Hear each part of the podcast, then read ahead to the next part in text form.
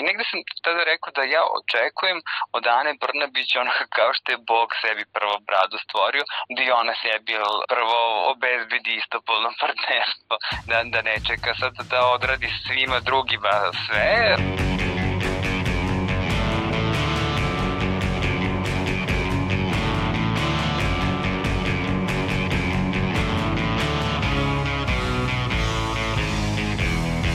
Slušate podcast Reaguj nezavisnog društva novinara Vojvodine. Moje ime je Iva Gajić, a na podcastu rade i Aleksandra Bučko, Sanja Đorđević, Irina Čučković i Nemanja Stevanović.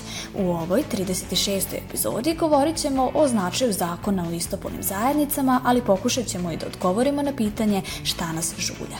Nedavno je poglavar Rimokatoličke crkve Franja u intervju za dokumentarni film Francesco rekao da homoseksualci imaju pravo da budu deo porodice i time je postao prvi papa koji je podržao istopolne građanske partnerske zajednice. Oni su Božja deca i imaju pravo na porodicu. Niko ne bi trebao da bude izbačen ili da bude primoran da se osjeća loše zbog toga što je. Rekao je papa u filmu i naglasio da je neophodno imati zakon o građanskoj zajednici kako bi na taj način istopolni partneri bili zakonski pokriveni. I dok poglavar Rimokatoličke crkve upućuje reči podrške LGBT zajednici, u Srbiji novo osnovano ministarstvo za porodicu koje dolazi iz stranke Spasa Aleksandra Šapića naginje na desno. Ne samo to, već su mnoge ličnosti u Srbiji kritikovale izbor Ratka Dmitrovića za prvog ministra za porodicu zbog njegovih stavova koji su diskriminatorni. Zakon o građanskom partnerstvu je važan iz više razloga, a neki od njih jesu da bi partneri mogli da posećuju jedni druge kada su u bolnici, da bi mogli zajedno da podignu kredit, da jedan partner koji je ostao bez posla može da ostvari zdravstvenu zaštitu na osnovu zaposlenja drugog partnera, da u slučaju smrti partner može da nasledi penziju, da se imovina može podeliti u slučaju raskida i mnogi drugi. Ovo su stvari koje često podrazumevamo kada je brak u pitanju, ali često i ne mislimo na istopolne zajednice. LGBT organizacije pokrenuli su peticiju za usvajanje zakona o građanskom partnerstvu krajem septembra ove godine i do sada ju je potpisalo više od 9000 ljudi. Ujedno je pokrenuta kampanja Šta nas žulja, u kojoj je objašnjeno zašto je donošenje ovog zakona od velikog značaja. Koordinatorka programa javnog zagovaranja grupe Izađi, Jelena Mitrović, naglašava da zbog nedostatka ovog zakona partneri u istopolnim zajednicama trpe mnoge posledice. Trenutno u Srbiji ima, ja lično znam, četiri istopolna partnera i partnerki koji imaju decu, ali samo jedan roditelj faktički na papiru, što bi značilo ako se desi nešto toj osobi da teško da osoba koja je majka ili otac može da a, postane roditelj te osobe, pre će postati baba i dede, ali neko drugi ili treći porodice. I kad dolazimo do onoga najgore, prvo radi što sad tokom ove pandemije što isplivalo na površinu jeste da neke osobe nisu mogle svojim supružnicima, po navodnicima, ženama, mužima da odu na sahranu, a preminuli su od uh, COVID-a. A šta o zakonu koji nemamo, a čiji model postoji već skoro deceniju, misli pripadnica LGP zajednice Daša Stevović, reći će nam Nemanja koji je sa njom i razgovarao. Nemanja ko je i šta kaže Daša? Daša Stevović je mlada lezbijka koja je rođena u Kruševcu, a zbog studija prešla je u Beograd gde i danas živi.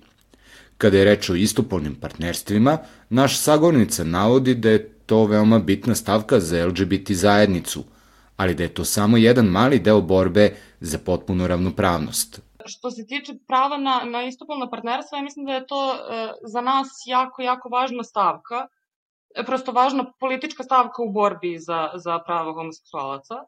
O, međutim, ono što moramo shvatiti jeste da je to samo početak te borbe, nikako, nikako njen kraj zato što uh, onog trenutka kada dobijemo ovaj zakon o istopolnim partnerstvima, to prosto ne podrazumeva da ćemo mi zaista biti istinski ravnopravni uh, i prosto živeti bez, bez nasilja.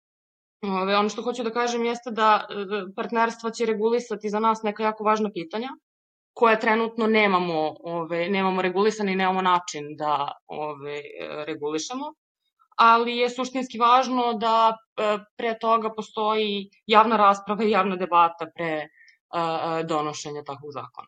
Javna rasprava koju je Daša Stevović pomenula važna je kako bi se sprečilo bilo kakvo donošenje zakona na brzinu, a samim tim i mogućnosti drugačijeg tumačenja ili kršenja zakona nakon donošenja. Zbog čega je suštinski važno da postoji javna rasprava je sa jedne strane to što e, mislim da u državama u kojima je takav zakon donet na brzinu i nespretno, e, status gejeva i lezbijki se neće e, bitno unaprediti. Mislim da, da, da se to i dešava u nekim, nekim zemljama, a sa druge strane prosto svedočimo rastu i jačanju ekstremne konzervativne desnice svuda.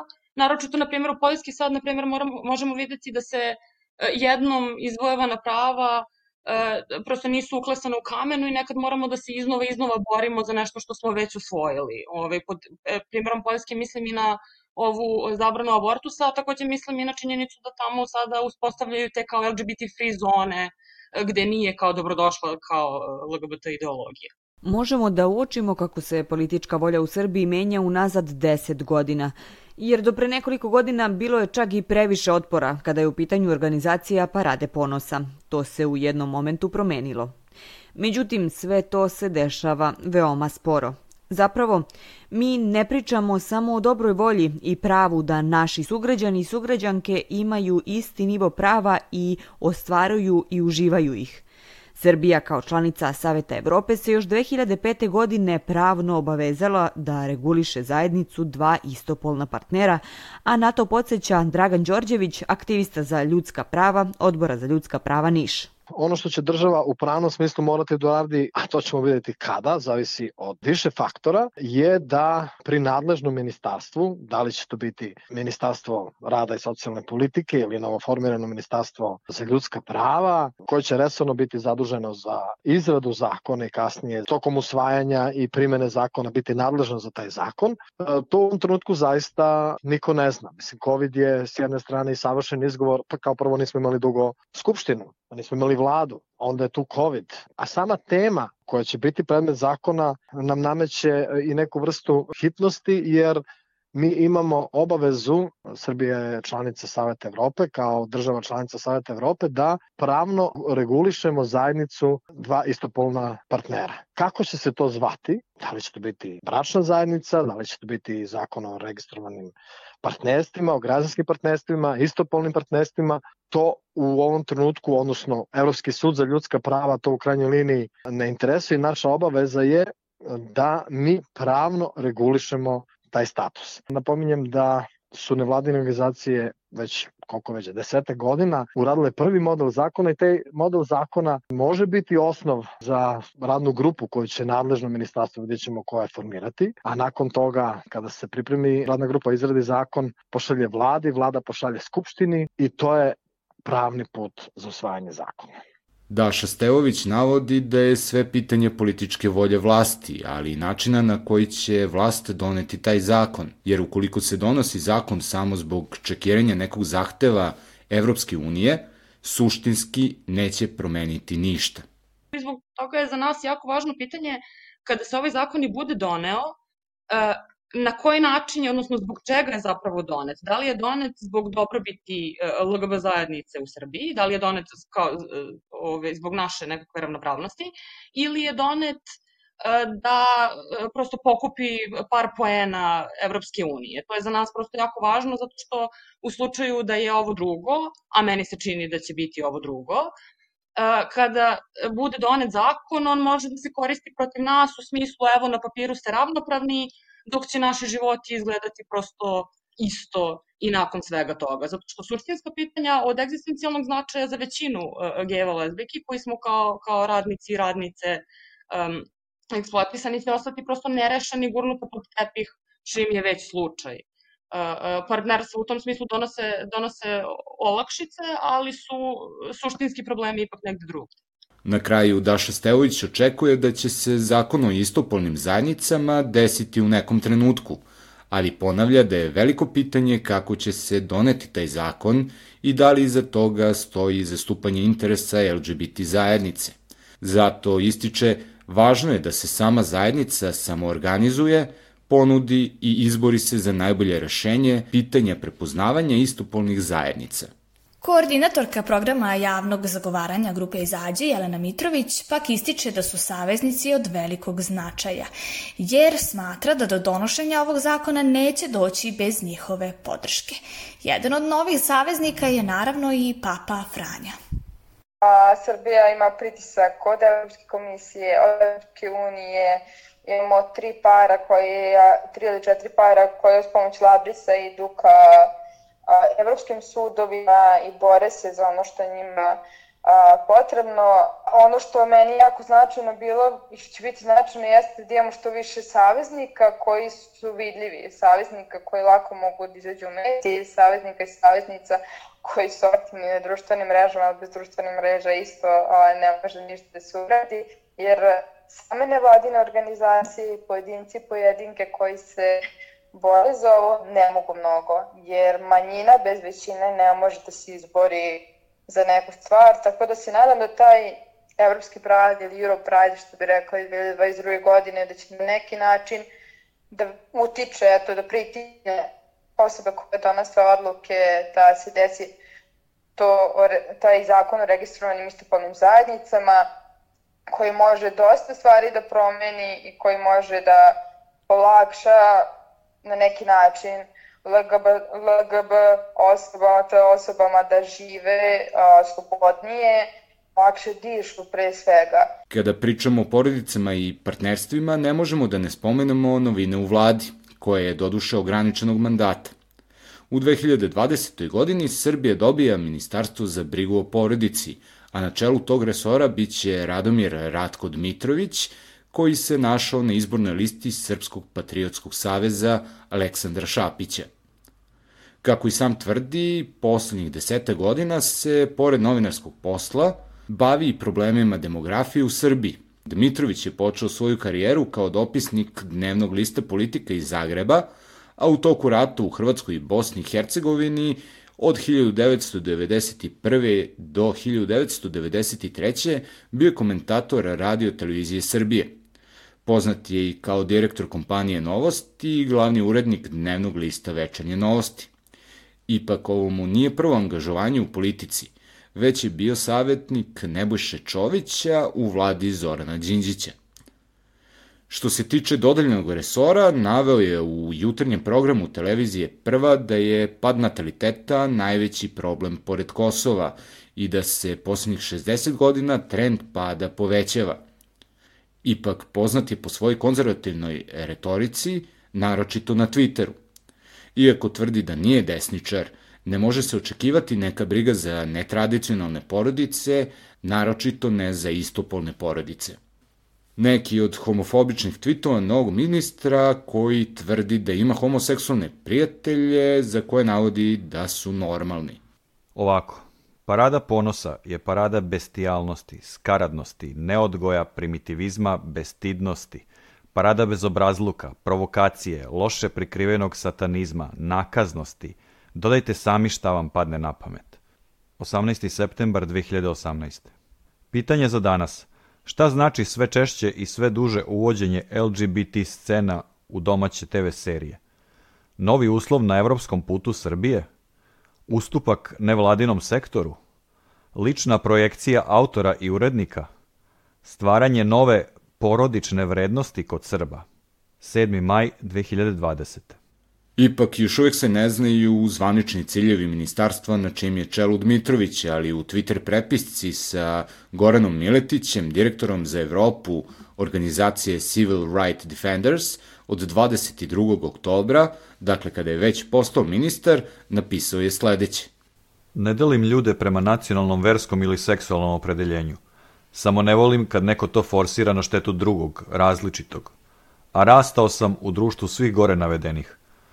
O svim porodicama, uključujući LGBT, stara se i staraće se država. Kao što smo već rekli, nacrt zakona o registrovanim istopolnim zajednicama sastavljen je još 2010. godine od strane više organizacija civilnog društva i predat nadležnim organima na razmatranje i usvajanje.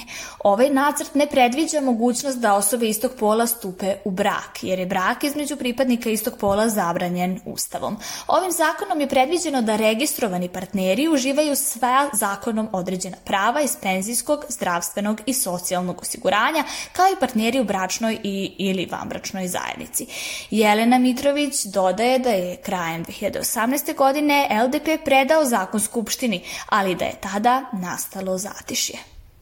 Labris je 2013. godine a, izbacio prvi model zakona o istopolnom partnerstvu i na neki način, to je 2012. napisan, 2013 je izbačen, to je čitan je iz, iza zatvorenih vrata i to je bilo povod na neki način da i u strategiji za borbu protiv diskriminacije, tačnije strategiji prevencije i zaštite diskriminacije, bude ubačen taj pojam da će se do 2018. godine, do kada je strategija tajala, biti a, zakonski regulisano, tačnije da će se pokriti registrovana partnerstva ili će se to usvojiti.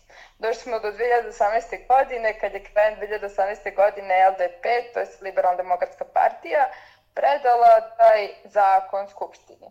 A, to možemo da shvatimo možda kao, no, ajde, kraj 2018. godine, kraj strategije, pa kao, hajde da pretamo da se nešto desi, i 2018. godine se desilo totalno zatišje. To je bilo medijski baš propred, i na društvenim mrežama je se širio ogroman govor mržnje kako 2014. godine kad je procurilo da Labris nešto radi, tako 2018. godine, ali iskreno mogu kažem da se smirila neka tenzija koja je bila tada pre šest godina. Predraga Zdejković, urednik gej magazina Optimist i gej aktivista, takođe podsjeća da je predlog zakona o istopolnim zajednicama trebalo da se definiše do 2018. godine, ali i naglašava da misli da bi Ana Brnabić trebala da preduzme nešto povodom toga do kraja svog mandata. Samo da podsjetim da smo imali tu uh, strategiju za borbu protiv diskriminacije i akcioni akcioni plan koji je e, definisao da do kraja 2018. godine Srbija treba da ima predlog tog zakona, a da se to nije desilo, da smo mi od toga daleko u, u tom pravnom smislu, da je, mislim, Labris je, iz, lesbijska organizacija Labris je izradila predlog zakona i LDP ga je prošle godine predložio vladi, ali se tu isto ništa nije desilo. A, tako da negde mi čekamo da se tu nešto desi, jer mislim da bi bilo ono velika sramota da a, Ana Brnabić za vreme svog mandata ne uradi ništa povodom toga. A Zdejković smatra da bi nova vlada trebalo da znači da će ovaj zakon najzad doći na red. Mi se sad nadamo tu uh, da će u narodnom uh, periodu sa ovom uh, novom vladom doći i to na red, naročito sa minist, novom ministarkom za ljudski i manjinska prava i rodnu ravnopravnost, kako se već sad to novo ministarstvo zove Gordanom Čomić, gde smo negde i načeli priče da će ona pripremati zakon o registrovanim istopolnim partnerstvima, tako da negde očekujemo to će biti u ovom periodu. Dodaje i da se od premijerke Brnabić očekivalo da već preduzme nešto povodom donošenja ovog zakona, ali time što to nije uradila na neki način, Ana Brnabić lupila je šamar LGBT zajednici skoro se bibo uh, neko TV uh, gostovanje u kome baš to bila tema i negde sam tada, tada rekao da ja očekujem od Ane Brnabić onaka kao što je Bog sebi prvo bradu stvorio, da i ona sebi ovaj, prvo obezbedi istopolno partnerstvo, da, da ne čeka sad da odradi svima drugima sve, pa onda kad ona dođe na red, nego da malo tu ono preskoči, jer mislim da je ono, ona onom izjavom uh, ja nisam uh, gej premijerka, nego premijerka koja je gej u stvari dala negde uh, to, ta, mislim, ja sam to nazvao šamarom LGBT zajednici, gde se ona jel, od, odvojila uh, da, da, da neće nešto posebno raditi za LGBT zajednicu. Tako da uh, ja sad u ovom drugom mandatu očekujem da se jel, nek što više potrudi i, i da ono, sebi i svojoj zajednici nešto uh, jel, do, do, u nekom smislu doprinese boljem uh, životu i jednostavnijem životu. Pitali smo Zdejkovića i da li misli da je premijerka kojim slučajem tražila da se taj zakon donese? Evo što on kaže.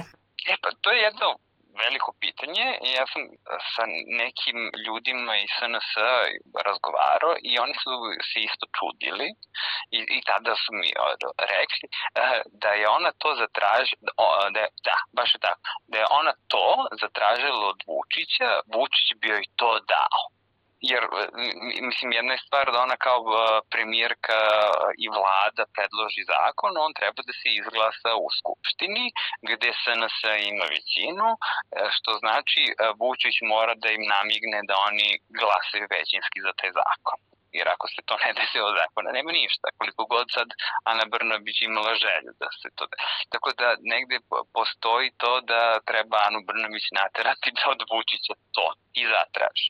Ove godine je preuzet veliki korak u regionu povodom istopolnih brakova. U Crnoj Gori i Hrvatskoj legalizovane su istopolne zajednice, ali se u Crnoj Gori još uvek ne primenjuje zakon. Irena, reci nam kakvo je stanje u Hrvatskoj? 4. novembra na portalu N1 Hrvatska mogli smo pročitati da je tih dana, daleko od očiju javnosti, sklopljeno prvo istopolno životno partnerstvo na području Požeško-Slavonske županije. Iako su u većim gradovima Hrvatske, kao i u drugim zemljama Evropske unije, istopolni brakovi prihvatljivi, u ruralnim krajevima kao što je Požeško-Slavonska županija, oni i dalje mogu nailaziti na nerazumevanje i neprihvatanje. 2020. godine u Hrvatskoj se dogodilo i da je jedan gej par nakon tri godine pravne procedure uspeo udomiti dvoje dece i tako postao prvi istopolni par hranitelja u Hrvatskoj. Ovome je prethodila odluka Ustavnog suda Hrvatske iz februara ove godine gdje je rečeno da istopolni parovi mogu usvajati decu, a povodom niza zahteva za ocenu ustavnosti zakona o usvajanju. Inače, u Hrvatskoj je životno partnerstvo osoba istog pola regulisano posebnim zakonom donetim početkom 2020. godine, koji ovo partnerstvo definiše kao zajednicu obiteljskog života dveju osoba istog pola sklopljenu pred nadležnim telom. Isti zakon također definiše i neformalno životno partnerstvo kao zajednicu obiteljskog života osoba istog pola koje nisu sklopile životno partnerstvo pred nadležnim telom, ako zajednica traje najmanje tri godine i od početka je udovoljavala pretpostavkama propisanim za valjanost životnog partnerstva. Podsjetimo, prvi zakon o istopolnim zajednicama u Hrvatskoj je donet još 2003. godine, ali u to vreme regulisao samo pitanje izdržavanja imovine, najčešće u slučaju testamenta. Donošenjem zakona o životnom partnerstvu osoba istog pola 2014. godine napravljen je značajan korak, jer su istopolni partneri ušli u krug zakonskih naslednika. Upravo je Ivan Zidarević iz Srbije sa svojim partnerom iz Hrvatske prvi sklopio životno partnerstvo te 2014. godine u Hrvatskoj, kada je došlo do primjenjivanja zakona o životnom partnerstvu osoba istog spola. Na osnovu registrovanog istopolnog životnog partnerstva, Ivan je početkom novembra dobio i hrvatsko državljanstvo. Kako i sam kaže, registracija partnerstva i pred zakonom značilo je mnogo i njemu i njegovom partneru, a bili su spremni i da odu u neku treću zemlju da Hrvatska nije donela zakon kojim to omogućava. Za mene je to značilo puno, odnosno sve, zato što sam ja u tada, 2014. godine, kada je Hrvatska donela zakon o životnom partnerstvu osoba istog spola, bio stranac i nisam imao nikakva dokumenta koja bi mi omogućavala boravak i rad u Hrvatskoj. Međutim, sklapanjem partnerstva ja sam dobio tadašnju osobnu iskaznicu za strance i dobio sva dokumenta koje su mi omogućavala da budem malo više nego samo turista u Hrvatskoj. Dobio sam boravak na pet godina, čime mi je dalo mogućnost da ja kasnije, odnosno apliciram za produženje boravka stalno, dobijanje stalnog boravka, odnosno kasnije dan danas državljanstva.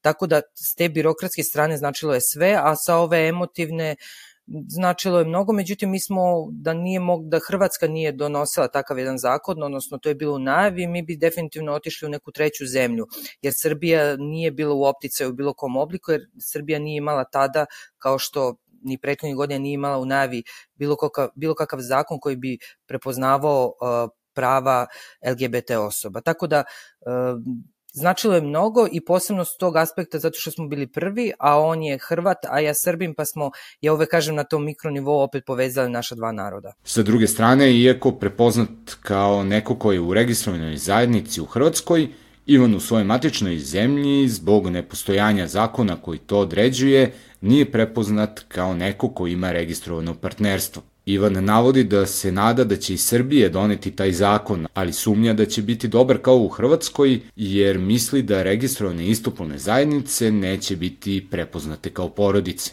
Ja sam pre otprilike tri godine pisao tadašnjem ministarstvu za rad i e, baš sam se interesovao da li će doći do prepoznavanja e, prava i posebno iz perspektive zato što sam ja sad u životnom partnerstvu u Hrvatskoj i interesujem se kako sad ja u Srbiji vodim, da se vodim kao da sam samac ili ne.